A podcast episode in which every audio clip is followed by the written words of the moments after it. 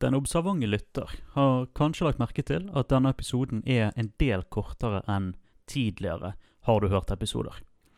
Om du er enda mer observant enn som så, så vil du òg legge merke til at det er ikke Ole sin veldig glade, joviale stemme som eh, åpner det berømte ballet i dag, men det er Andreas sin litt mer eh, nedtonede, kjedelige bergensstemme som, eh, som har ordet.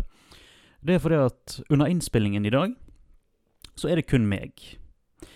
Forklaringen på dette er veldig enkel. Eh, vi har én mann nede med den berømte covid-19. Og eh, dagens episode må pushes litt tilbake. Det er dumt, men eh, vi trenger alle mann på dekk for disse episodene her. For det er en del kule låter som skal diskuteres i dag. Jeg kan egentlig avslutte denne public service announcementen med å komme med noen anbefalinger til da den kommende episoden som uh, ja, vi skal spille inn når alle er friske og raske.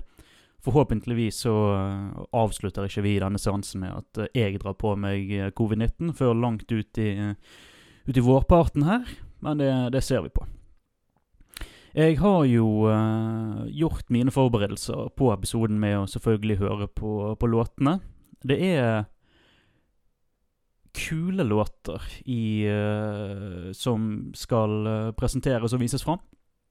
Og derfor er det også litt kult å ha noe bakgrunnshistorie om band og låter man holder på med kan jeg unnskylde på forhånd til, til, Henrik, for jeg har egentlig ikke så mye dokumentarer og snacks å vise om uh, hans band. Uh, for uh, får vi ta på når episoden kanskje skjer. Men hvis du har lyst til å være bitte litt mer forberedt til neste episode, som egentlig skulle vært i dag, så er det en grådig god dokumentar om Pantera ute på YouTube. Som er forhåpentligvis linket i shownotes her nå. Og uh, grunnen til at den dokumentaren er god, det er på to uh, ja, sånn grunnlag da, som jeg syns er gøy. For det første så er dokumentaren uh, Det er godt innhold. Det tar for seg karrieren til Pantera. Og hvorfor de har et så stort fotavtrykk på dette metal-miljøet som, de, som de har. Og så er det jo det at han forteller stemmen osv. Han sjekker jo på en måte av enhver sånn parodi da, på sånn uh, tøff metal-dokumentarskaper-type ting. sant? Han har den mørke stemmen, og han har kanskje de litt sånne, de der pønsene og så videre. sant? Litt sånn type sånn midten av 2000-tallet rockedokumentar som Ja, det er en utdødd art, men fy søren så gøy det uh, Jeg kan òg anbefale en dokumentar om uh, mitt bidrag til, til podkasten, nemlig Beastie Boys de uh, har jo gitt ut en uh, bok som heter noe så enkelt som Book. De har gitt ut en Best of-samling som heter noe så enkelt som Music. Og de har òg gitt ut en film som heter Movie. Og det er den jeg vil anbefale. Den heter Beastie Boys Movie.